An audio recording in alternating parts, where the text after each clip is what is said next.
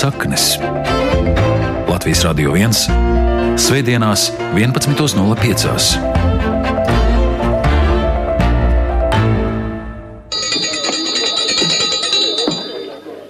Apsveicināšanas dzējols pie goda maltītes komitejā proponēts, jeb uz pieņemšanu priekšā likts no komitejas prezidenta Prātnieka kunga. Atcerēts un deklamēts no kuratorijas prezidenta un komitejas aktuāriusa Pietuka Krustiņa kunga. Urā! Tas tik bija programmas pieteikums. Vēlns ar ārā šoreiz misējā. Augstā dziesma, skani, skani, zilā zvaigžņu haosā. Nemirstīgu dari mani tautas vīru eposā. Apkam visu firmamentu, universums nu ir tals. Tēr par violētu lentu visus mūs, kad pikols raus. Sapek atomi un rodas progresīgi meteors. Dievu dēļ lejup dodas līgo saules meitu kors. Vulkani ar traku varu, lāvas traumes lejup gāž, izcivilizētu. Klausies, vai tas ir progmāns, vai tas ir deklemekle cija, vai kas, ko viņš tur pamierē? Tāds laikam tik progmārs pie būs. Te jau prātā var sajūt. Amizējamies tur redz dažu zelteni ar zēnu. Karogs balts mums plīnājas pārcirtam humanitē. Pildat kausus, līdz var spēt turēties un palikt kājās. Goda mielasts ar augstām dzējām, koriem, lašiem, aktieriem un dziesmām varētu sākties svinot Pētera Petersona 95. dzimšanas dienu. Viņš iemūžināts pietuka krustiņa lomā filmā Mērnieku laiki, bet viņā pašā bija tik daudz no tautas gara modinātāja. Un tā mēs varētu svinēt, ja vien tajā naktī braucot uz apšuciem no Jelgavas, kur viņš teica runu Alunāna jubilejā 1998. gadā, auto avārijā neietu bojā runcis, kā visi viņu sauca, un Nora, viņa sieva Eleonora. Kaut gan, kā vēlāk teiks mazdēls Toms, viņi jau nekur nav aizgājuši. Man būtu ļoti pagodinoši domāt, ka Runcis un Nora piekoriģē arī mūsu mēģinājumu radiofoniski ieskicēt dzimtu, kurā vairākās paudzēs bērni ieelpo inteliģenci. Mēs uzticamies viņu meitai Karinai Petersonai un mazdēliem Tomam un Dāvim Auškāpiem un tiekamies Dāvja mājās. Ruta Rikša un Ingvilda Strautmane mums palīdz Santa Lauganis, Pavasars un Valdis Raitums. Pēters Petersons, dzimšanas gads 1923, dramaturgs, režisors, aktieris, teorētiķis, publicists, tulkotājs no franču un vācu valodas, cilvēks ārpus rāmjiem un robežām, fantasts, romantiķis, dēkainis. Ja mēs gribētu dramatizēt viņa dzīves stāstu, tad tur nebūtu grūti atrast traģiskus mezla punktus. Tēva dramaturga Jūlija Petersona izsūtījumi pie Ķīnas robežas, Smiļģa Petersona sarežģītās attiecības, Petersona Dailas teātras stāsts un dēla uģa nāve un jau pieminētā auto avārija. Bet mēs nedramatizēsim, ļausim stāstīt Karinai, Dāvim un Tomam. Tā, par dzimtu runājam. Tā. Jāsāk no sākuma. Mūsu aptveramā tajā dzīves nogriezienī tā ir tā brīvības iela, kur es tagad esmu atgriezusies. Bet, nu, runājot par tiem senčiem, cik mēs viņus atceramies, tad nu, vismaz tēva līnija tā ir Rauna un Smiltene. Un tur ļoti interesanti, jo gan Raunā, gan Smiltenē nāk augšā visi tie cilvēki, ar kuriem bija šajā vai citās dzīvēs noteikti jāstiekas. Ja, jo mēs, piemēram, konstatējām, ka te pašā raunā ir uh, bijuši arī auškāpi un arī āboli, tas, nu, kas ir ābolkundas vīrs Guntars ābols, un pat varbūt mūsu senči ir arī bijuši precēti. Un, Petersona un Auškāpi ir pat bijuši blakus vēl pie Smiltenes brutuļos, kur ir, jā, mēs aizbraucām apskatīties, jo Jūlija Petersona tēvs Dāvis Petersons, viņš bija tā pirmā paudze, kas ieguva pārticību kā latvietis. Viņš bija tirgotājs, ļoti veiksmīgs. Un viņš turēja krogu ziemeļos no smiltenes brutuļos, kur iet um, garām Pēterpils ceļš, kur pat ar kājām staigā, droši vien arī Krišāns Barons ir apmeties tā. Un tā māja vēl ir tā kroga māja. Tur gan tagad bija kolhoziem, bija mehāniskās darbnīcas. Un pār tam lielceļam, kas gāja tas Pēterpils lielceļš caur smiltenei. Tur bija tāds, tā kā tāds ezeriņš, dīķītis un dzirnavs, un tās ir brutuļu dzirnavs, kur ir dāvs sauškāps apkārt darbojies. Mēs visi sanākam mm. kopā. Kuri gadi tie bija pastāv? Jūlijas Petersons ir dzimis brutuļos 1880. gadā. Tā kā tam krogam gan dāvs Petersons bija nomnieks, tas varēja būt no 60. līdz 80. gadu pirmai pusē, jo, kad Jūlijam bija kādi pieci gadi, tad viņi pārcēlās pārcēlās Smiltenē. Pašā centrā tāda liela trīstā māja, kur vēl kādreiz sinagoga īrēja sev zāli, jo tur bija eh, Dāvs Petersons Jūlijam izbūvēja tādu tā kā teātris skatu, arī to lielo zāli. Tādu, un, un tajā mājā tur es esmu arī iegriezusies pie tiem cilvēkiem, kas tur tagad dzīvo, un viņi man ļoti laipni viss izrādīja, un es Atceros tās fotogrāfijas no smiltenes laika, kur ir vectēva māsas ar Juliju Petersonu māmu, un viņa abas māsas stāv tajā smiltenes dārzā pie dobas, un tā doba atrodas tieši tajā pašā vietā. Man likās, ka tāda veca ķirsīša tā darīja tās dobas, un ka es nogaršoju tos ķiršus. Tas bija tāds skaists ceļojums, bet tos ceļojumus visus es veicu jau pēc vecāka nāvis. Tas bija laiks, kad vairs neko nevarēja pajautāt, un kad es jautāju tā māsai, tantei Annai par viņu, teica, mēs ģimenē par smilteni nerunājam, un punkts. Tā es tur neko daudz neuzzināju. Bet um, tur ir tādas vēl interesantas, zīmīgas sakritības, kad es ar smiltenes novadpētnieku, vēstures entuziastu, viņš man parādīja to brutuļos, to māju aiz, aiz tām dzirnavām, kur Jūlija Petersona dzimšanas vieta un kur viņš pavadīja savus pirmos dzīves gadus, un mēs iegājām dārzā. Tas bija pavasars, tāds māja beigas vai, vai tā kā māja vidus, kā tagad. Ļoti skaists laiks, un no tās mājas iznāca tāds cienus, laipnīgs vīrs, un mēs viņu sveicinājām un atvainojāmies. Teicām, ka tikai mazliet paskatīsimies. Un viņš runāja krieviski, viņš atvainojās, ka viņš neprot vēl latviski, jo viņš tikai pirms gada ir pārcēlies uz Latviju. Viņam ļoti te ir iepaticies, viņš tieši šo māju ir gribējis nopirkt, un, un, un izrādās, ka viņš ir no Kanskas. Man pilnīgi kaut kas tā kā iedūrās sirdī, jo vectās Jūlijas Petersons, viņš bija viens no tiem indulģences pārstāvjiem, kas parakstīja 44. gada pavasarī to memorandu, ko mēģināja caur Bangērsku iesniegt sabiedrotajiem, un viņš bija viens no tiem, kurš palika Latvijā, jo uzskatīja, ka nav neko noziedzies ne pret vienu, ne pret Latviju īpaši. Un ienākot padomju armijai 44. gada rudenī, oktobrī viņu apcietināja jau pirmajās, faktiski divās nedēļās. Viņš pavadīja divas nedēļas Čekā. Un tad viņš devās uz Sibīriju, kur viņš augustā mīra, jo viņš tā kā iekšēji nepretojās, viņš tādā rezignācijā bija. Tas bija Krasnojārskas apgabals un tā bija Kanska. Un tad, kad tas pirmais vīrs, viņš ir ārkārtīgi simpātisks seja un tāds ļoti laipns un tāds vēlīgs un sirsnīgs un tāds bagāts dvēseli. Tāds vienkārši mistisks brīži, tādi, kad liekas, ka to kāds cits rīko nevis. Bet tas vīrs jau neko nezināja. Nē, viņš arī bija tikpat uh, samulsis, kad es viņam īsos vārdos izstāstīju to mūsu stāstu un mēs abi palikām tādās dziļās pārdomās. Ja. Apcietināja viņu, tāpēc, ka viņš bija parakstījis to memorandu? Jā, tāpēc, ja? jā.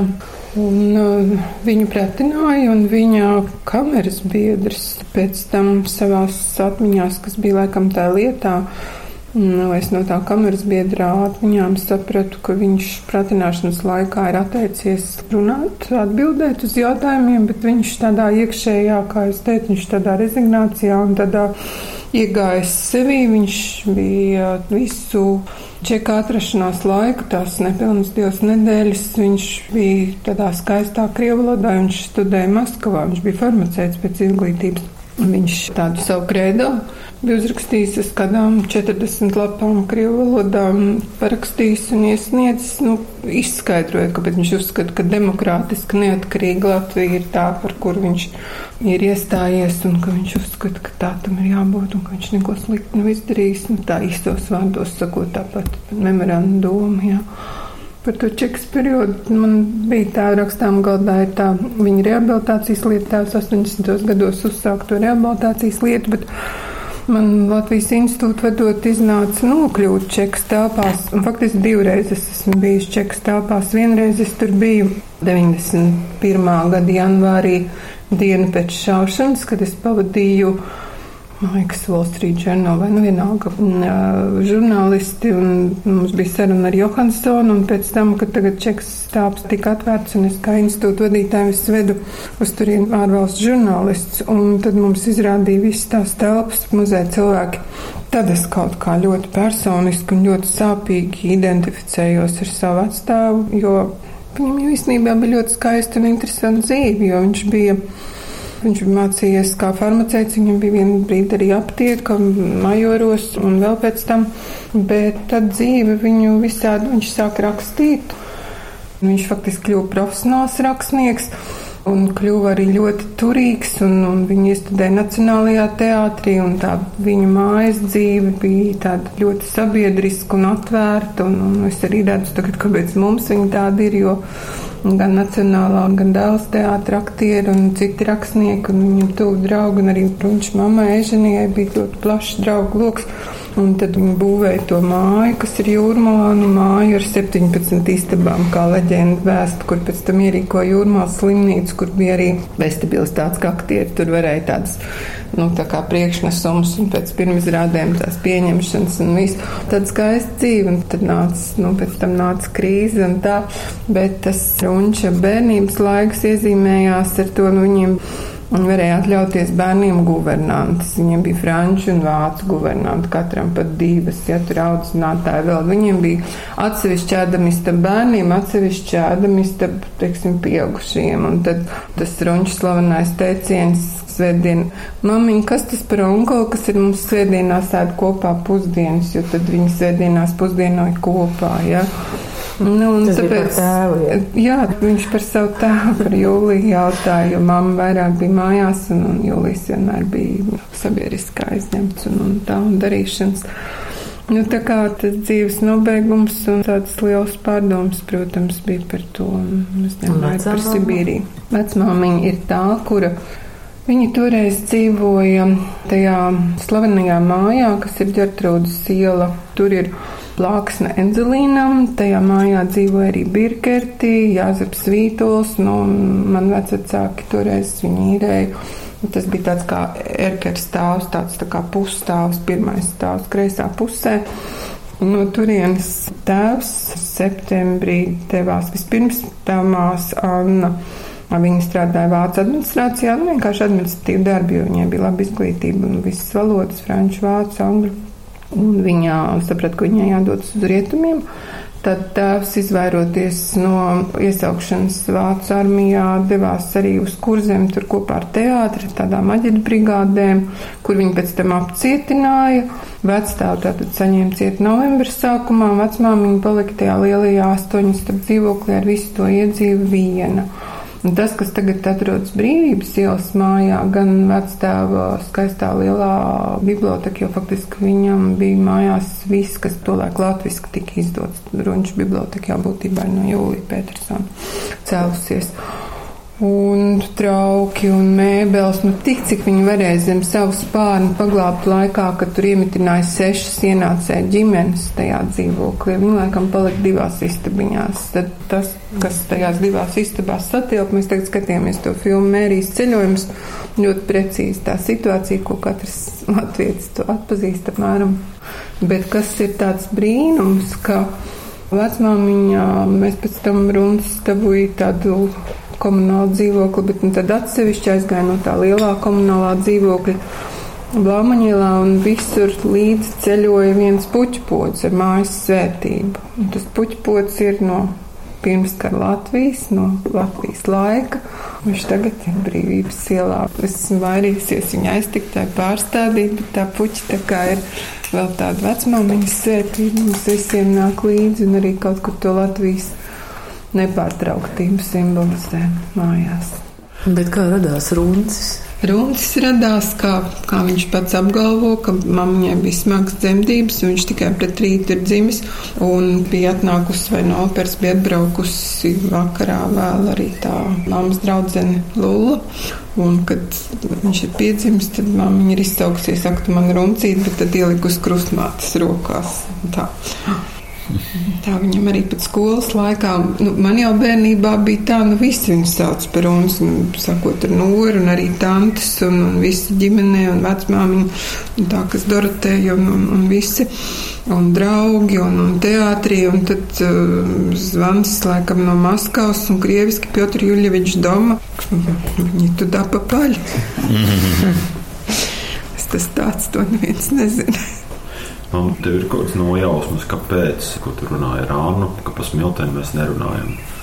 Jā, nu man ir savs nojausmas, jā, jo nu, man tā liekas, ka, ka Jūlijs varētu būt spēlējis kārtas, un tas bija godu parāds. Manuprāt, viņš nospēlēja to smiltenes māju kārtīs. Man tā liekas, bet, nu, kas to zina? Jā. Skaisti. Un tad uh, mammai ar tantīdu Nemu jāpārceļas uz Rīgu. Jā, Mīdē ir vecmilgrāvī tāda mājiņa, kuras kā bērnībā brauc pie viņas, sved viņai. Toreiz jau bērniem ļāva braukt uz otru autobusu, brauc, man bija pieci gadi kādu. Uz katru otru dienu uz vecmilgrāvi. Tur viņas ar mammu apmetās, jā. Sāka savu otro dzīvi. Runcim būtu 95 gadi. Un mierīgi visi varētu sēdēt pie viena galda?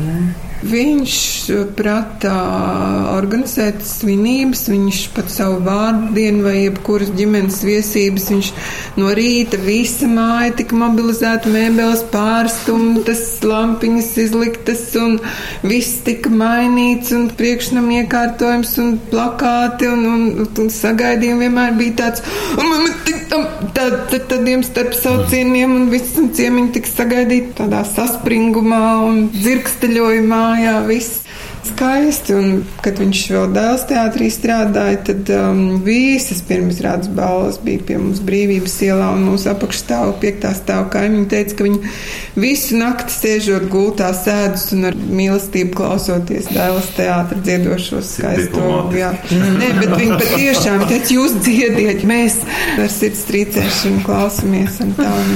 Un es arī, protams, tad nākušā dienā negāju skolu, nu kā jau tas viss notika. Mm. Nu, tā būtu runas svinējis. Nu, būtu noteikti dziedāšana ir pilnīgi obligāta. Dziedāšana, jā. Bet tas bija teātra dziesmas, ko viņi dziedāja. Jā. Bet jums, puišiem, arī ir tāda tradīcija. Balles. Man joprojām ir ļoti bieži sajūta, ka Rons Noru joprojām ir bieži vien ir, ir tajās mūsu ģimenes viesībās, joprojām ir viņi klāt. Un es domāju, ka mums ir palaimējies, vai viņiem palaimējies, ka viņi ir tik ļoti dzīvi joprojām. Un es arī atceros, jā, nu, kad runas ir norā aizgāja. Tad, Nu, protams, sākumā liela pārdzīvojuma šoks, bet pēc tam es konstatēju, ka patiesībā mēs joprojām esam ļoti bieži kopā.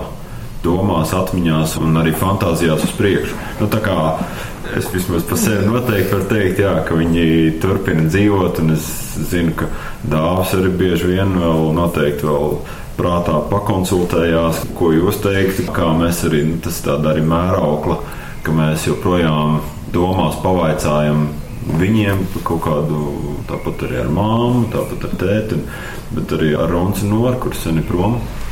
Viņi joprojām mums ir sarunu biedri un uh, palīdz pieņemt lēmumus. Bet nav jau arī tikai tā, ka dāvs ir kaut ko no nu, tā viss mantojis. Bērni brīnišķīgi prot uh, arī rīkot Jāņus apšciemā, un tad, kad atbrauc viņu draugu un atbrauc kādreiz mani draugi un viņa draugi, vai arī katram savu draugu. Un tad pie ugunskura tad Toms ir tas, kurš nu, tādā pilnīgi runču stilā, jums arī abiem ir kaut kur runču tāds spēcīgā un labā balss. Dāvim varbūt pat vēl vairāk kādreiz, kad dāvs man zvana, tad es telefonā es pilnīgi salacos. Jā. Bet, jā. Un tad Toms taisa to apdziedāšanos, to spontāno tie vārdi turpat uz vietas un, un tā nu, melodija kā jau Jāņu dziesmai, jā.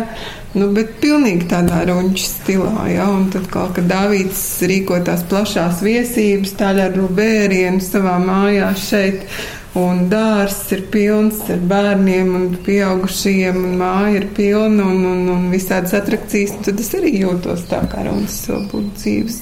Tas tā, man to, to lietu ir ļoti daudz. Nu jā, bet tas, kā tu šodien te uzklāji galdu, tas jau arī bija tā. Man arī vienmēr ir tā, lai arī kā vienalga, vai man atbrauc kāds čoms uz desmit minūtēm uz tēju, vai tie ir 70 cilvēki, kas tie ierodās, vienmēr jābūt ir galdam klātam, lūst, nu, vismaz tā kā mēs runājam, nu, pieci ēdieni, tas jau tāds tikai stārterīts ir, jā, bet, nu, parasti jābūt ir visam.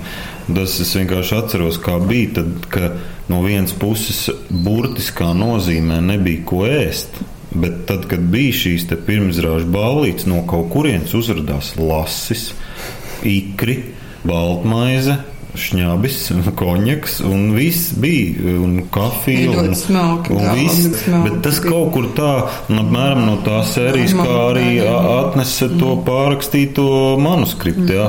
Vienalga, tas kaut kur tā vienkārši cilvēki nebija, ka viņi kaut ko pirka vai kādam kaut ko maksāja par to. Tas vienkārši tur tā uzrādījās. Es nezinu, kā tas bija. Jo, teiksim, Runča draugs bija makšķernieks, viņš atnesa lasi un, un vēl kāds. Runas bet... Dora bija šausmīgos jā, parādos, nu, mīgi, ko es nebiju. Mēs ēdām no rīta uz putru, bija brokliņu zapts tāds liels pots, tas arī viss. Un vakarā bija cūks, tāds speķis, svaigs, izčurkstināts ar sīpoliem, rupmaize. Tās ir mana bērnība, pilnīgi āmen. Un tad pirms rāds balvas galda lūst. Un katreiz runas tikai zvanu Mikiņu. Es tūlīt atvedīšu te kādus cilvēkus, tu tad uzstājas kaut ko. Tad, nu, tad, nu, Jā, bija tāda, tāda kaut, kaut kāda, es nezinu, kaut kāds robas bija, kur viņi to lasa mūžīgi. Un vienmēr bija lasas. Bet tas nu, nozīmē, jā, ka jūs tā, atceraties. Nu, nu, protams, jā. Man bija 25, kad runas ar Man liekas, ka bērniem nav sajūta, ka runas ar Noru bija viņiem vecvecāki, jo viņus pirmkārt sauca runas ar Noru, viņus nekad jā. nesauca ne Oma, ne Opaps, ne vecmāmiņa, nekas tāds, viņi bija runas ar Noru. Un Dāvīds ļoti bieži aizmuka no mūsu kārtīgās mājas mežparkā, kur mēs rējām, mēs diezgan kārtīgi tādu pilsonisku dzīvi bijām iesākuši dzīvot. Un viņam tas kādreiz bija pa šauru, un viņus macēja tas, un tad viņš aizmuka pie runča Nors, ka viņš glābās sapratnē, mīlestībā, bez nosacījuma tādā. Jo es atšķirībā no mammas, es tomēr bērnus mēģināju audzināt, laikam kaut kādā ļoti neuzkrītoši, bet tomēr mēģināju. Nē, nu es jau to nevienreiz vien teicu, ka man bija tāda sajūta. Toreiz es to tā neformulēju, bet nu, viņi man bija kā vecāki runas ar Noru, jo runas man bija absolūts etalons, un, un, un Nora bija atkal tā, kuru es varēju tur izkratīt sirdi pusauģu gados vai kā, un tur arī bija tāds man patvērums, jā, kad tā diezgan agri sāka tur visādi plosīties pa dzīvi. Un, bet tas jau ļoti tā, skaisti. Tas, jo... nu, jā, un, un tad, kā Toms teica, tas tā kā ar nazi tika nogriezts, un man faktiski tā dzīve tādos posmos iedalās līdz viņa aiziešanai. Tad ir tāds tukšums milzīgs, un tad, tā kā tu teici, ka es pēc tam iemācījos viņiem runāt, un tad atkal tā dzīve tā aizgāja. Nu, kad tas trūkstošais kaut kur atgriezās. Jo, jo tā tiešām ir. Un tu runā, un tev atbild, un, un tu vari ko pajautāt, un ko pateikt. Do, re, mi, fa, sol, la, si tad nāk atkal do, un tu tālāk netiksi, bērniņ negudro.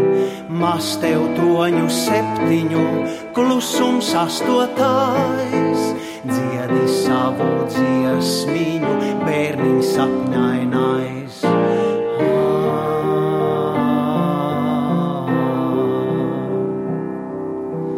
Sarkans, oranžs, dzeltens, zaļš, zils, zilgs mērš un viss.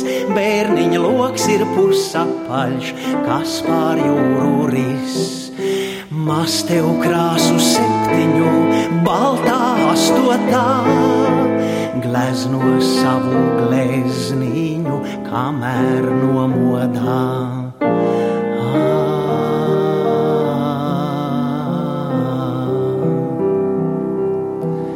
Kad būs galā svētdienā, pirmdienā tad nāks. Bērniņ, tā ir mūžībā, tam, kas skaitīt māk.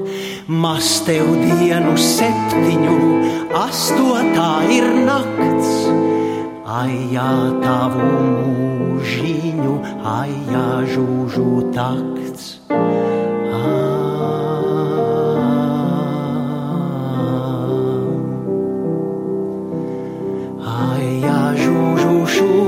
Šūpulis, loks un atkal skāls. Šurpu, turpu, tas ir viss bērniņa sākums gals. Šurpu, turpu, iekšā kāp, bērniņ, vai tev bail? Ja tev dienas gaisma sāp, skalā ogle gail.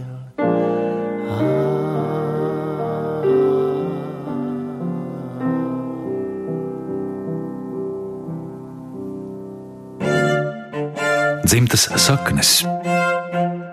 Ir 2018. gads Pētera Petersona 95. dzimšanas diena maijā. Karina to mīļi dēvē par Runča festivālu, kurš sācies ar mūsu sarunu par dzimtu.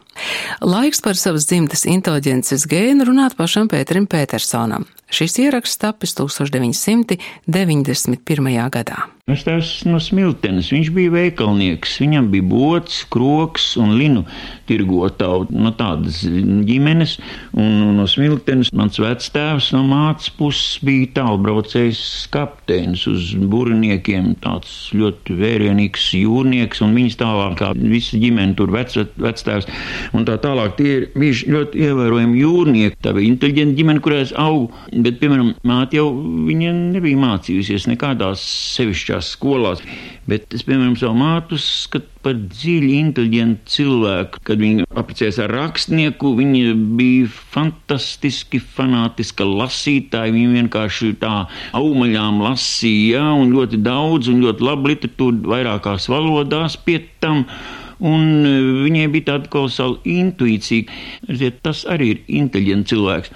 Un kā jauneklis, un drīz jau pieaugušs jauns cilvēks, man ir bijusi vienreizēja iespēja personīgi pazīt, runāties, būt kopā, sastapt sajust mūsu ļoti, ļoti ievērojams personības, gan rakstnieks, gan mākslinieks un cits, jo te mājā satikās daudz cilvēku. Var, piemēram, minēt tādu cilvēku, kur varbūt mēs pat tagad nepieminam, bija tāds Alfreds Andersons, viņš bija Rīgas pilsētas galvu kādu laiku. Viņa nopelns ir tas brīnišķīgais centrāla tirgus, kas šodien tā plaukst un zeļ. Viņš šo Eiropas modeli pārņēma un ievies te Rīgā, bet viņš bija dziļs kultūras cilvēks, viņš bija muzikāls, viņš tulkoja operu tekstus. Es no viņa esmu saņēmis pirmās poēzijas stundas, tādas nemanāmas, tādas um, turpat blakus tēva tuvākie draugi bija grāmatu izdevējs Ants Gulbs, piemēram, šī kolosālā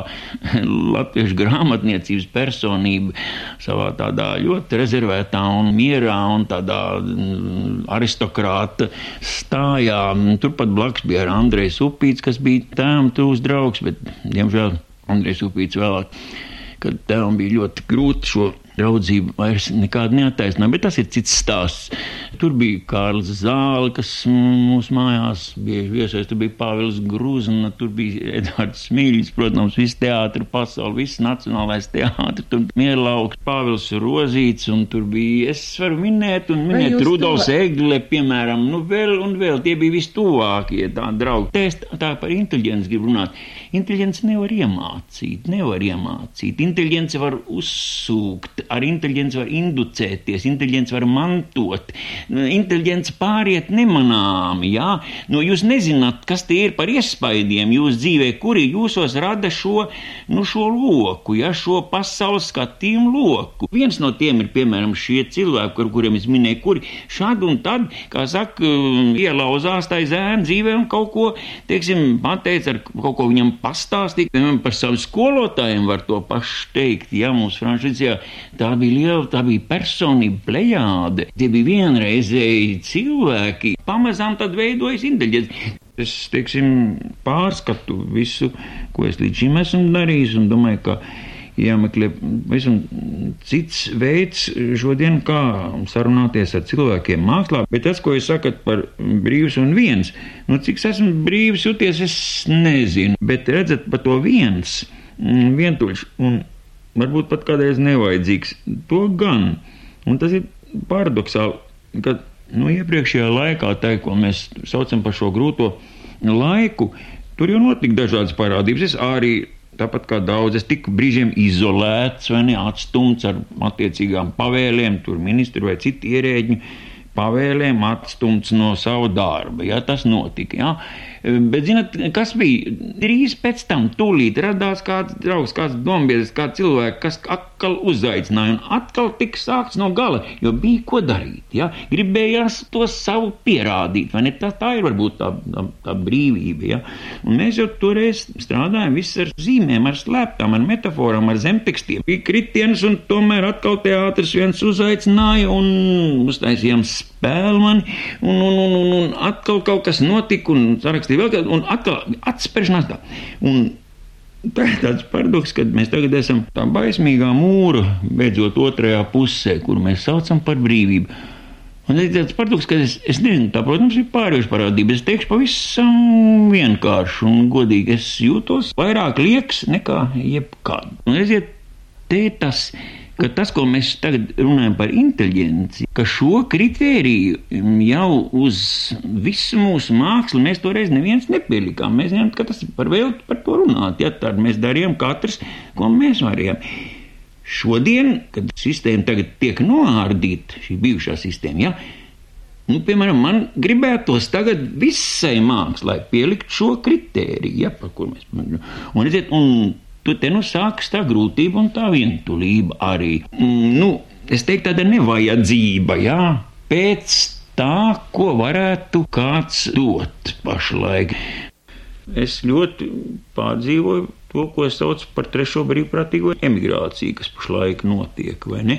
Ka ļoti daudz cilvēku meklē vismazāko iespēju, kaut kādu darbiņu, vai kādu līgumiņu, vai ko, un plūst straumēm, pie tam spējīgi cilvēki manīgi, spējīgi, mūži, aktīvi cilvēki, kas šeit būtu tik ļoti noderīgi. Es vēlreiz atkārtoju to, ko tas saka. Tagad katrs, kas paliek, tas dara to, ka viņš izšķir mūsu tautas likteni. Šis vilnis ir Manuprāt, tā ir nākamā traģēdija, ko drīz mēs jutīsim mūsu sabiedrībā. Par ko Runcis, par ko viņam patika runāt ar tevi?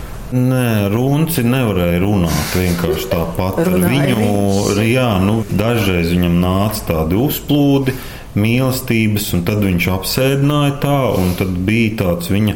Nu, viņš tad tā skaisti, literāri, nē, pat ne, nu, tā emocionāli, ar asarām acīs nu, stāstīja, kā ir, vai kas notiek, vai kā. Bet tie bija tādi vairāk tā kā tādi priekšnesumi. Nu, nu, tas bija tā emocionāli un tā.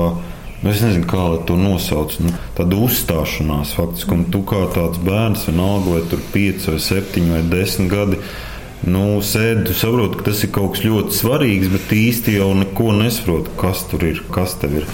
Tā, nu, vēlāk tie bija kaut kādi arī, kad jau 11 gadi, vai tur vēlāk bija arī tādas sarunas, bet es domāju, ka viņam bija tik daudz iekšā, ko viņš neteica un nemācīja vai nevarēja izpaust, ka tajos brīžos, kad bija tā saruna, viņam tas tā gāzās ārā. Tā kā tāda, nu, nevis tā fiziski, bet viņš ļoti emocionāli to darīja. Katrā ziņā arī es atceros no bērnības, ka pret mani neviens nekad nav izturējies kā pret bērnu. Jo runas vienmēr runāja ar mani kā ļoti pieaugušu cilvēku. No manis sagaidīja arī visā manā uzvedībā un rīcībā absolūti pieaugušu cilvēku lēmumus, nu, kurus arī man laikam bija pēc tam pienāca tie brīži, kad tāda atbildība iestājās. Man ļoti, ļoti agri toreiz, gan, gan brāļa nāve, gan viss tas viss bija tāds, kas, kas bija faktiski manā ziņā. Un arī vecāki mūs nekad ar brāli neaudzināja. Tāda lieta vispār nebija. Viņi vienkārši dzīvoja savu ļoti piepildīto, straujo, starptautiski tādu mērogu dzīvi. Un, nu, ko es varēju, to es esmu no tās dzīves paņēmusi. Bija lietas, kuras es nolēmu, ka es nekad tā mūžā nedarīšu bet viņas atkal vienalga nāk atpakaļ. Bet, nu, es vienkārši pieņēmu to zināšanai un veidoju atkal attiecības ar saviem bērniem. Kaut kā vai nu ļoti līdzīgi vai atšķirīgi, bet, bet nu, mums tādas, tādas bērnu audzināšanas kaut kas tāds.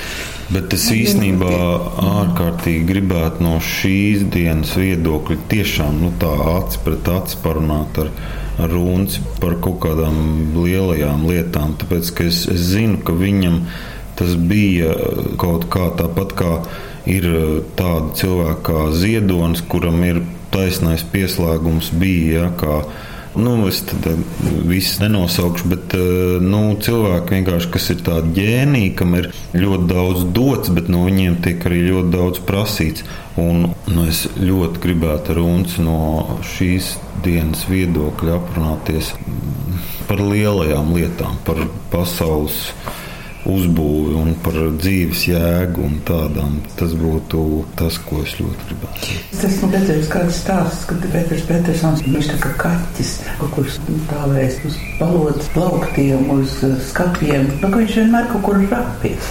Nu, es atceros, varbūt arī savu rāpšanos bērnībā. Es zinu, ka tur bija pretī tā pretizlikošanas pārvalde un ka viņi diezgan nobžījušies par tiem saviem aizrestotiem, no baltiem aizskriņiem, aizvilktiem logiem no tur, kur tagad ekonomikas ministrija skatījās, kā es kāpju tur tā piektā, sastā stāvā gar balustrādi augšā pa to sīpolu veidu tornīti -hmm. jau tur pāri jumtu kūrei un tad pa lodziņiem tādiem pusisistiem bēniņos un tad atkal atpakaļ un kā mums visiem visiem patīk krāpties. Man nav bijusi tik jauka pieredze. Un puikas vecumā viņa zina nost no apšciem jumta no stalažām. Nē, Runcim ļoti patika. Viņš vienmēr, kad atnāca teātrinieki un ciemiņi, tad vismaz, ja nebija citas augstākas vietas, tad mājā tā bibliotekas galerija, vismaz tur viņš pakāpās. Tad viņš dziedāja kuģa puiku un cvaigrenadiju Ir arī, protams, tāda drāpšanās tādos jumtos, bet es to uztveru tā, ka nu, es tā runču dzīvi, cik es to sajūtu un zinu no tā, tad nu, es arī pa sevi varu pateikt, ka tas ir kaut kāds tāds, nezinu, nu, nepārtrauktais apvārsnes, uz ko gribas iet un kas vienmēr pieejot tuvāk, vienmēr attālinās. Tā ir kaut kāda tāda visu laiku tāda latiņa, ko tu liec sev augstāk un augstāk. Nu, tā ir tā drāpšanās, kā es to uztveru, nu, kāda runcim bija. Mums jau arī tā ir. Mm, es drīzāk ne to rāpšanos, es redzu viņam to Bija tāda televīzijas pārraide, ko Mārija Valoda taisīja. Bija tā izrāda ar Bertozo Zuko, ko viņš taisīja. Tur bija tāda tā kā laipa. Viņam daudz kur ir laipas. Un tad viņš tā balansēdams iet pa to laipu un runā tādu monologu par degunradzi. Un es domāju, ka tā viņa balansēšana uz naža asmenis visu laiku, viņš visu mūžu, viņam likmes bija ļoti augstas. Viņš uh, daudz riskējis. Viņam vienmēr vajadzēja tā kā sev un citiem pierādīt, ka viņš spēj izdarīt to, kas liekas neiespējams. Un, Nu, es ceru, ka nu, jā, mēs to esam mantojuši. Es ceru, ka mēs to esam mantojuši. Es personīgi gribētu būt drosmīgāks. Bieži vien sevi vainoju, ka es, es pārāk racionāli kaut ko, kaut ko optimizēju vai sevi ierobežoju. Tev jau ir arī auskāpņi, tas taču ir dabiski. Bet es tā kā vairāk tā kā balansēju starp prātu un racionālismu, starp emocijām, un, uh, ko es neesmu pārāk lepns. Es, es gribētu, lai, lai es būtu vairāk, vairāk emociju vadīts. Nevienmēr ir pareizi un veselīgi un tā, bet uh, man tā kā iekšējā balss saka, es nedaudz nožēloju, ka esmu brīžiem pārāk racionāls. Un, uh... Mums te runas starp citu emocionāli konflikts par to, ka es uzvedos tā ļoti racionāli, jo nevar mājā visi būt jābūt. pilnīgi traki. Kādam bija jātur arī tā kārtības un tad runas pilnīgi sprāgi no eņģiem ārā. Nu, mums bija viss skandāli par to, ka es tā kā vienmēr visu daru pareizi, un visu šausmīgi nevarēju. Tu tā kā tām tēmu, tu tā kā tām tēmu, viņa bija grāmatvedi. To es, jā. Mama. Mama bija vienkārši ļoti apbrīnojams cilvēks, jo viņa bija pati pacietība un tāda, nu, nevienmēr mājās, nevienmēr pret mums, bet, teiksim, pret runču visiem tiem izgājieniem. Un viņu ļoti mīlēja visur, viņa arī strādājas visu mūžu. Tā nav, ka viņa tikai runcim dzīvoja. Viņa bija gan liesmas redakcijā, gan karoga redakcijā, gan literatūras un mākslas redakcijā. Ilgus gadus viņa bija škapara, labais gars, kas turēja kopā visu redakcijas kodolu. Un ir tādi cilvēki, kas man ir runči cilvēki, es par noru tagad stāstu par Eleonoru māmu. Un ir runči cilvēki manā dzīvē, un ir noras cilvēki, kas nāk no mammas kolēģu loka, kad viņiem, teiksim, vārds nora, tad viņi pilnīgi tā kā, nu, atplaukst un, un gaiši kļūst sejā, un tā mēs, kad pieminam mammu, kā tas ir ļoti skaisti. Un, nu, tas, ko es vienmēr sapratu, ka tad, kad runcim bija tie asumi, un viņš vienmēr tā ļoti asi lietas runājot, lika lietas uz kanti, tad mamma pēc tam ar tiem cilvēkiem drusku apžūžoja, nolīdzināja to. Un, tā kā viņi vienmēr tā kaut kā mēģināja pieskatīt to runču biolauku, lai viņš neizplūst pāri vēl. Viņa nāca no darba, un tad viņa pārakstīja visus tēva rakstus. Viņš jau ļoti daudz, viņš par naktīm strādāja. Tad viņš kaut kad no rīta, nu, tomēr nokrita kāds pāris stundas, bija jāpaguļ. Tad mamma cēlās ļoti laicīgi, lai pirms viņš iet ārā no mājas, viņa pārakstīja to rakstiņu. Un tad, kad viņa taisīja papam brokastis atkal, lai viņš nenokavētu, tad es sēdos, kad es biju piecēlusies, es pabeidzu to rakstu. Tā mēs trietā viss tā fabrika strādāja. Un kamēr mamma taisīja papam olu, es kā tās pēdējās lapiņas pabeidzu. Jūs rakstīja roku? Jā, jā, roku, jā. Mēs joprojām esam iekšā Petersona dzimtes stāstos. Laiks uzzināt, ko viņi paši tagad dara. Toms, Dāvis, Auce, Kārina. Es šobrīd uh, man pieder restorāns Vecrīgā, un uh, esmu visu laiku veltījis tam. Nu, jā, man ir arī trīs izglītības, no kurām viena ir režija, un kaut ko es darīju arī režijas jomā. Bet nu, tas ceļš ir tāds ļoti sarežģīts un komplicēts, un es laikam sapratu, ka es tā pilnībā tā visu, visu, visu sevi atdot tam nesmu gatavs vēl pagaidām, tad varbūt jāpaiet kādam laikam. Dāvitam bija ļoti skaisti četri iestudējumi, manuprāt. Pieci. Pat pieci, nu redz. Jā, man jau liekas, ka dāvs kā parādīja, ka viņš ir profesionāls ļoti lielā mērā. Man, man ļoti patika visi viņa darbi, un nu, tagad viņš atkal padarbosies tur, kur šī un brīža aicinājums, un tad jau dzīve rādīs. Jā.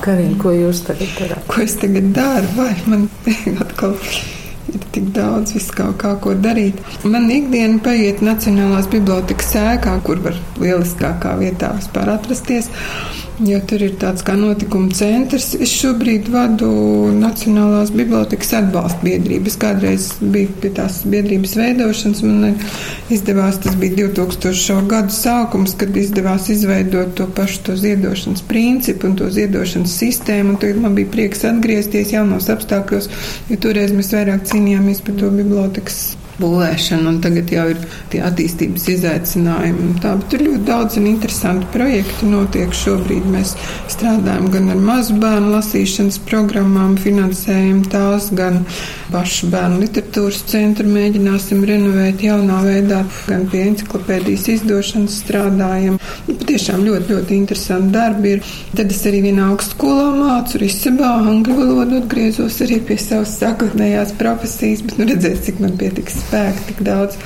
visu kaut ko darīt. Un uh, mēs vēl esam arī ordeņu kapitulā.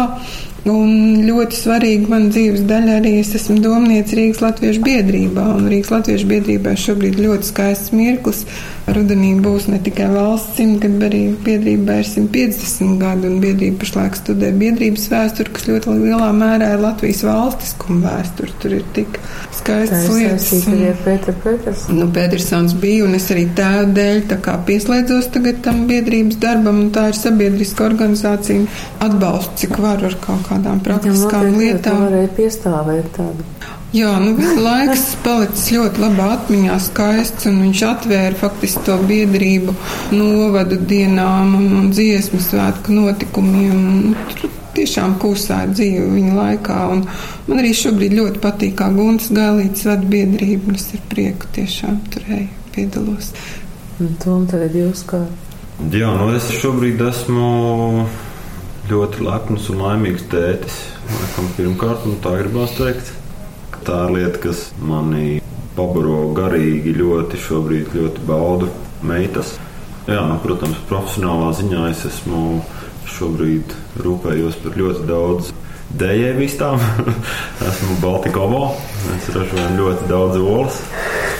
Un tā ir mana ikdienas profesionālā rūpe realizēt daudz olas un, un, un arī ārpus Latvijas robežām pa visu pasauli. Kur jūs atradāt tādu absolūti neparastu profesiju. Cik tad mums ir tāda olu ražotāja? Nu. Nu, Toms ir vienkārši profesionāls vadītājs. Viņš Viņam to maina, vadīšanu ik pa brīdim. Jā, runā par uh, profesionālo dzīvi, jā, tad man arī dzīve ir piespēlējusi ļoti daudz dažādas nozares, sākot ar uh, kuģniecību, kuras pavadīju 13 uh, gadus, turpinājumu bankās, ar turpinājumu avio lojalitātes programmā ar turpinājumu tehnoloģijās un IT, un, un, un tagad esmu nonācis pie olām. Māsiņa jums ir māsiņa. Jā, par māsiņu izstāstiet, lūdzu. Vai māsiņa ir mums, jā, viņa ir skaistā vietā dzīvo Rubenē, tas ir pie Valmieras, tur kreisā pusē ļoti skaista veca baznīca, un, un tur ir brīnišķīgi tāda vidzemes vieta, kur uh, viņa ir aizmukus no Rīgas pie savu dzīves drauga. Jā, oh, azarts, jā. Un viņa strādā Valmierā, viņa ir juriste, viņa vispār pilnīgi negaidīti mums nevienam. Viņa iestājās četrās augstskolās un no tām četrām izvēlējās jurisprudenci. Un viņa arī ir visādos um, grūtos darbos izstrādājusies, gan bijusi juriskonsulta valsts kancelējā, gan satiksmes ministrijā, gan arī privātā jurisprudencē padarbojusies. Gan arī strādājusi ar bērniem. Nu, viņa pēc tam otru augstskolu aizgāja uz pedagoģiju, jā, bērni ar īpašām vajadzībām. Cepurnos pa drosmi viņai. Jā, un... un vēl viņi ir kolēģi Tomam, jo viņi arī audzē vistas, tikai drusku mazāk.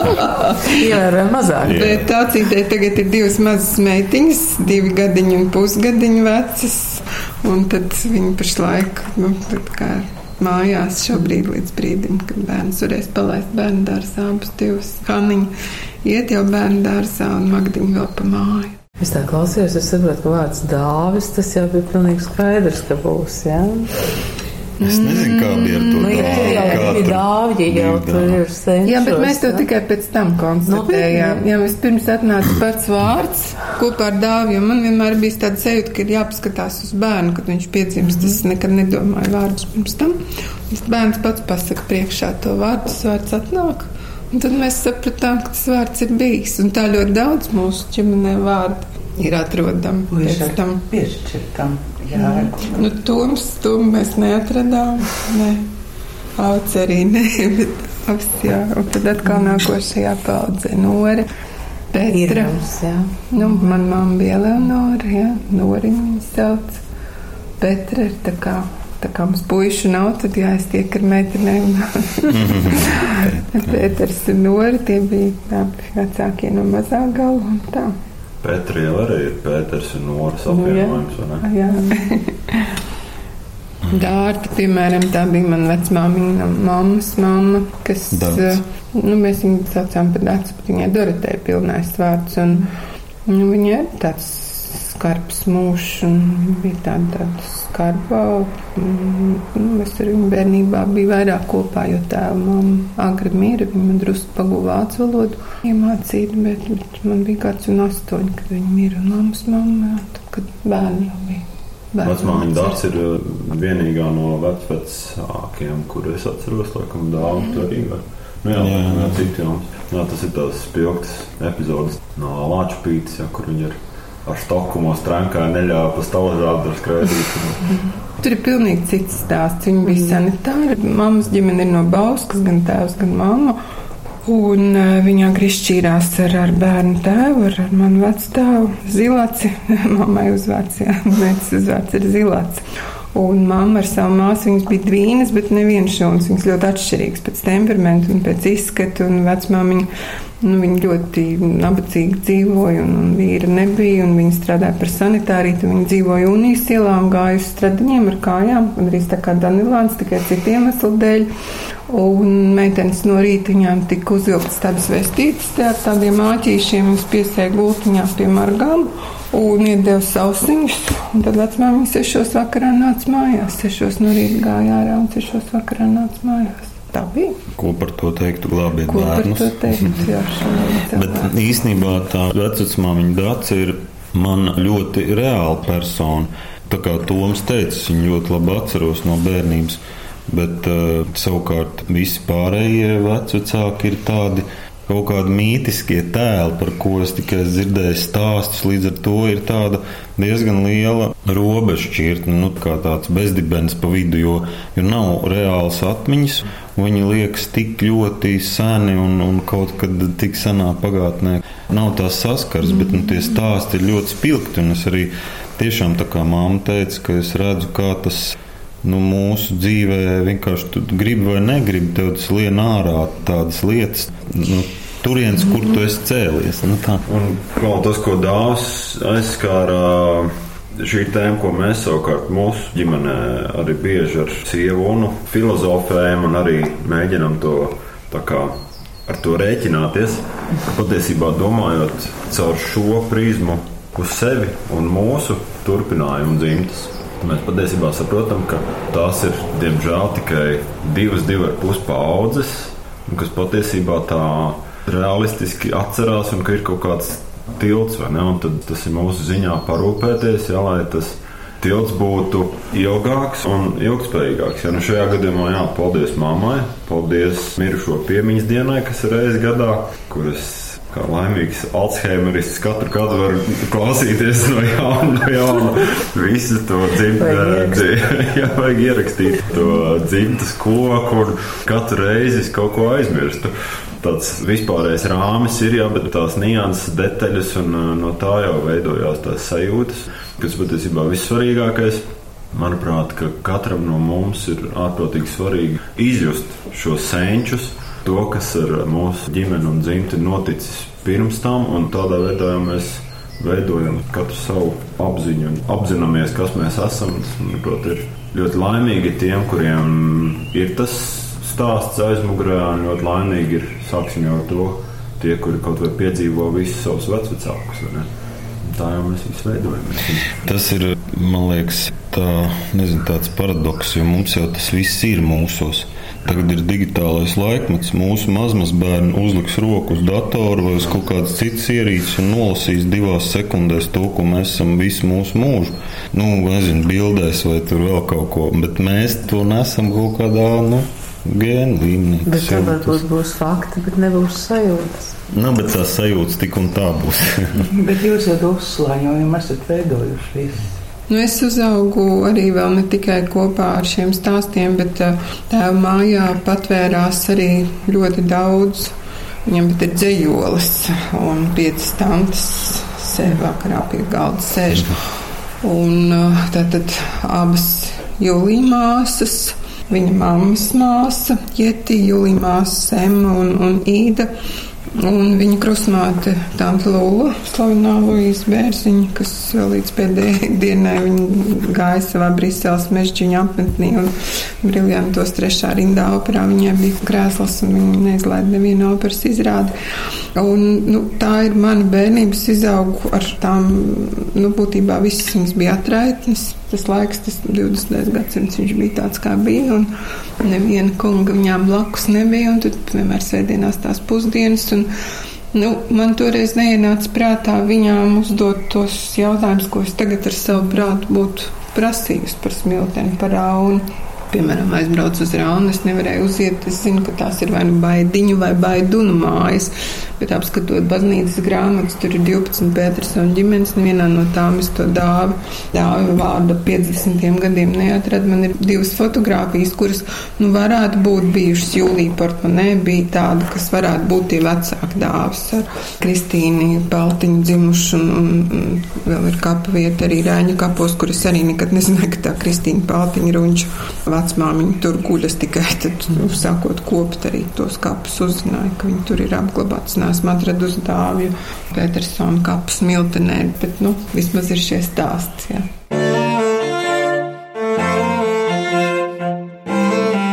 Dzimtas saknes. Jā, un šoreiz nebūs teātra zinātnieku spriedumu par Petersonu teātri. To meklējiet rakstos, Ievas Zols grāmatās par Pēteru Petersonu, viņa lugās un teorētiskajos darbos. Vēl tikai kāda būtiska piebilde. Režisors Pēters Petersons un viņa dzejas teātris 20. gadsimta 60. un 70. gados ir īpaši iedziens Latvijas kultūras kanonā. Un otrs jēdziens - režisora Pētera Petersona iestudētais Aleksandra Čaka spēlē spēlmani jaunatnes teātrī 72. gadā.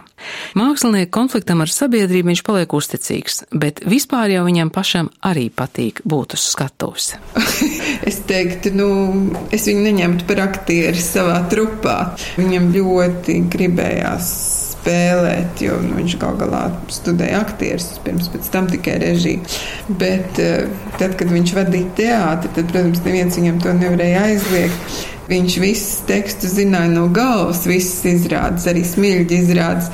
Un visi, kas saslim vai nu, neslēpsim, bija tajā vakarā uzkāpuši uz korķa, tad viņš visbiežāk tos aizvietoja. Es ļoti bieži gāju uz tām izrādēm, jo piemēram Minhausenā, kad viņš Dimitru vietā Nariškinu spēlēja, nu tur taču varēja no krēsla nokristēs smiekliem. Nu, tā fiziskā izpausme, tā ļoti eksaltētā, jo, kad viņš uznāca uz skatuves, tad viss ansambls varēja iet mājās, varēja redzēt tikai runču žākstīšanu. Nu jā, bet tur tā lieta, ka viņš jau tad, nu, praktiski jā. ar paņēma to visu uzmanību sev. Es atceros, kā viņš savā režisētajā izrādē ieliec tajā Oberšefa Jā, nu, nu, Hitlera, Hitlera lomā. Jā. Un tad arī bija tas faktiski tā vispārējā izrāda aiziet otrā plānā. Ir viņa iznāciens, kas ir viena epizode tikai. Jā, viņš bija tajās lielajā smilšu tur... iestudējumā viens no spīdos karēviem. Es pat fotografijās viņš lien ārā no tiem 12 karēviem, tā kā īlēns no maisa jau toreiz. Jā, viņš vēl studijā bija, viņš jau mācījās un skolas laika visos liceja iestudējumos, Ābrams ar bārdu vai kur nu uz visām fotogrāfiem, nu, nepārprotam, tas ir runas. Ja.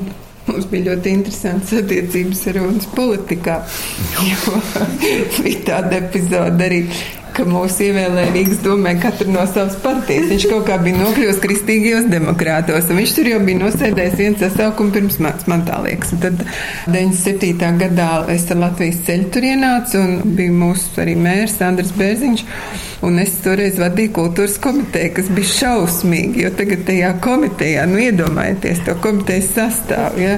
Ah, klotiņš, stalts, aļa brenčs Visotskis un Runcis. Ja? Mm. Un viņi ar Brenču bija kursa biedri. Un viņi taču sēdēja, mēs pie tāda galda sēžam, tagad, nu, es tā kā tāda kārtīga būtne, vai ne, tur mēģinu kaut ko vadīt, nu, tajā savā izpratnē par vadīšanu, ja? Kā viņi man nesa cauri, kā viņi man veda no pacietības ārā, tā kā divi skolas puikas, abi divi sēž tur, kur rutu tagad, ja?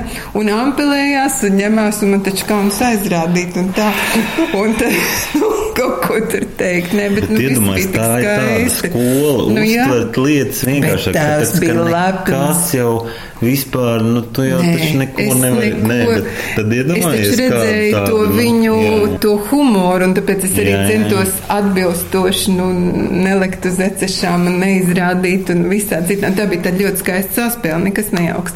Bet īstenībā tās vairāk kārt, nu, viņš, nu, nepārprotam arī manā klātbūtnē teica teica, ka viņš ļoti lepns ir. Viņš, diemžēl, nepiedzīvoja to ministrs periodu, ja, bet es jau domāju, ka viņi man atbalstīja. Man bija jāstājas amatā 15 dienas pēc bērēm. Tas bija ļoti smagi, bet varbūt tas arī izglāba. Bet tas Rīgas domas komitejas laiks, tas bija vienkārši lielisks laiks. Ja tur pieminēja par humoru, un tā ir lieta, kur es gribēju pieminēt, kas arī man ir nosēdies ļoti no bērnības, no ainām kas bija pie pusdienu, pie vakariņu, pie svinību galdiem. Nu, tas bija tas neizsīkstošais humors, kas visu laiku no ronča nāca. Un viņš bija tāds forši pikants vienmēr, un uh, pikanti oriģināls, un vienmēr viņš bija uh, kā, piegriezts pareizajai situācijai un pareizajiem cilvēkiem. Un mēs arī bijām, protams, viņa auditorija. Un, un arī jums trāpīja kādreiz arī. Jā, jā, jā, bet nu, arī tas kaut vai aina, kad sēžam pie galda un kāds zvana pa telefonu, viņš paceļ. Un, Un mēs vienkārši dzirdam, nu, kas tev padara, kā man klājas. Vai ne? Tas smaida, un viss galds arī smējās. Viņš izmanto mūs kā auditoriju, kā publiku, un dabaks cieta tas, kas tur ir piesmiests. Kā jums klājas, Pēters Sankungs? kas tev padara, kā man klājas? nu, bet tad aktieris, režisors, dramaturgs, kas viņā bija vairāk, vai tad tās proporcijas vienkārši mainījās? Domāju, ka viņš vienkārši bija ļoti tāds īpašs mēroga cilvēks. Es jau arī skatos viņa bērnības lietas. Viņam ir uh, burtnīcas piecgadu vecumā, viņam jau ir lūkas, kuras pazudusī soma, ja dzējoļu krājumu, ko viņš pats uz tās mašīnas, ko es, tā bija vecstāva rakstā mašīna ar tādu vienu taustiņu, ar tādu rullīti, kas griežās. Viņš jau mazs būdams, viņš faktiski arī ļoti rūpīgi, viņš iesēja, paši iesieti tie viņa drukātie dzējoļi un, un tās bērnības lugas. Un no šī mazā vecuma ar ļoti spēcīgu humoru. Viņš bija ļoti neordināra, skaista, liela mēroga cilvēks, kurš nu, viņš nekādos rāmjos nebija ieliekams un iekļāms. Viņš pats no tām savām šķautnēm, kas gāja tam rāmim pāri, viņš, protams, cieta. Tas bija sāpīgi. Nu, visur bija tas viņa humors, kas ne visiem imponēja, jo tas kādreiz vērstās par tā ironiju arī pret tiem līdzcilvēkiem un visās rakstnieku savienības sanāksmēs un partijas birojos un radošajos tajos. Tur jau nu, arī cilvēki dabūja ciest, un arī teātrī kolēģi un tā. Bet, nu, es domāju, viņš vienkārši tādu ārkārtīgi skaistu un, un, un bagātu tādu zvaigznes ceļu nogāja te, es domāju, ka skaists tāds. Teātrī man vispār ir arī bijusi ļoti īpaša dzīve, jo es arī no ļoti maza vecuma, es nezinu, vai no četriem vai no pieciem gadiem, bija tā savu vietiņu dēls teātrī, un es dabūju redzēt arī smiļķi brīnišķīgās izrādes ļoti, ļoti agrā vecumā, kas arī bija skaisti, bet par unča izrādēm runājot, nu laikam pāri visam ir spēlē spēlmani, bet tad tūlīt blakus man ir idiots, kas ir tāda, nu. Tas bija dailē, jā? Tas bija dailē, jā un visos trijos sastāvos tur bija trīs sastāvi. Es tur, tur to nevaru nosaukt vārdā. Tur bija man kalniņa fantastiska mūzika un Kurts Friedrichsons ar, ar savu neordināro dekorāciju, bet tā bija tāda maģiska izrāda. Nu, motocikls. No viņa paša darbiem Man liekas, ļoti biogrāfisks un ļoti poētiskā veidā par Latviju, par Latvijas 20. gadsimta cilvēku, to, ka cilvēks gājis cauri un arī pasauli, kam ir gājis cauri. Ir tikai muzikants ar to skaisto veltījumu kurzems mežam. Kaut kā ļoti gribētos, lai to varēs kaut kā atrast no jauna. Nu, tā. Un jums ir kaut kādas tādas tiešas emocijas, vai nu par dramaturgiju, vai par režiju? Jā, noteikti. Es arī laikam spēlēju spēli. Man Es pat redzēju. esmu redzējis, jo viņu laikam spēlē no, līdz rādi. Eh, pat 85. Jā, tāpēc, ka es apzinātā vecumā man ir tādas bildes dažas no tās izrādes. Bet tad, protams, meteors, muzikants, nevienu pašu vārdu, Feliks un Felicita. Tie bija milzīgi notikumi. Arī visa ģimene bija tādā, nu, nezinu, kā saka, avārijas jā. režīmā, jā, darbojās pirms tam, un, un arī tā pirmizrāde, tas bija ļoti liels notikums. Nu, man vistuvākā pašam sirdī ir neviena paša vārda, ko es arī starp citu piedāvāju iestudēt, bet acīm redzot, varbūt nebija vēl īstais brīdis pienācis. Nu, varbūt kādreiz izdosies, nezinu. Jā. Daudz, daudz visādas tur humors no meteora, tas Jakovļeva, Jagailis vai arī no tikko muzikantā mūzika. Tur ir tāda, kas vēl tagad klausoties Paula mūziku, kas iet caur kauliem. Nu, bet man liekas, Viss. ka pirms tavas izrādes arī visa ģimene bija mobilizējusies. Pirms pirmizrādes ceļā uz mājām bija nacionālajā ceļā uz mājām. Jūs tur visi bijāt kaut kādā īpaši uzlādēti. Man liekas, ka arī jums bija dzimšanas diena. Protams, ka uzlādēti. tāds tāds - līdzīgi kā kāzas. Nu, tas ir tāds, nu, tāds, ka to tā, nu, kā kristības, kā gala jubileja, kā tas ir tāds nu, liels svētki, protams. Jā, bet dāvis tā harmoniskāk ar cilvēkiem runā un tā te ir tāda dāvana. Tiešām sabrīnoju, kā tu tā ļoti tā proti ar uh, situācijām un cilvēkiem pavisam savādāk darboties. Tā ir apbrīnojama lieta. Paldies par uzticēšanos Karinai Petersonai, Tomam un Dāvim Auškāpiem. Un mūsu arhīvā glabājas arī Pētera Petersona pēdējā runa Jelgavā 1998. Gadā. Tā Alnāna sakarā gribu pateikt, ka atmiņas par Alnānu un Alnāna tradīcijas ir arī līdznākušas tājas teātra gaitām.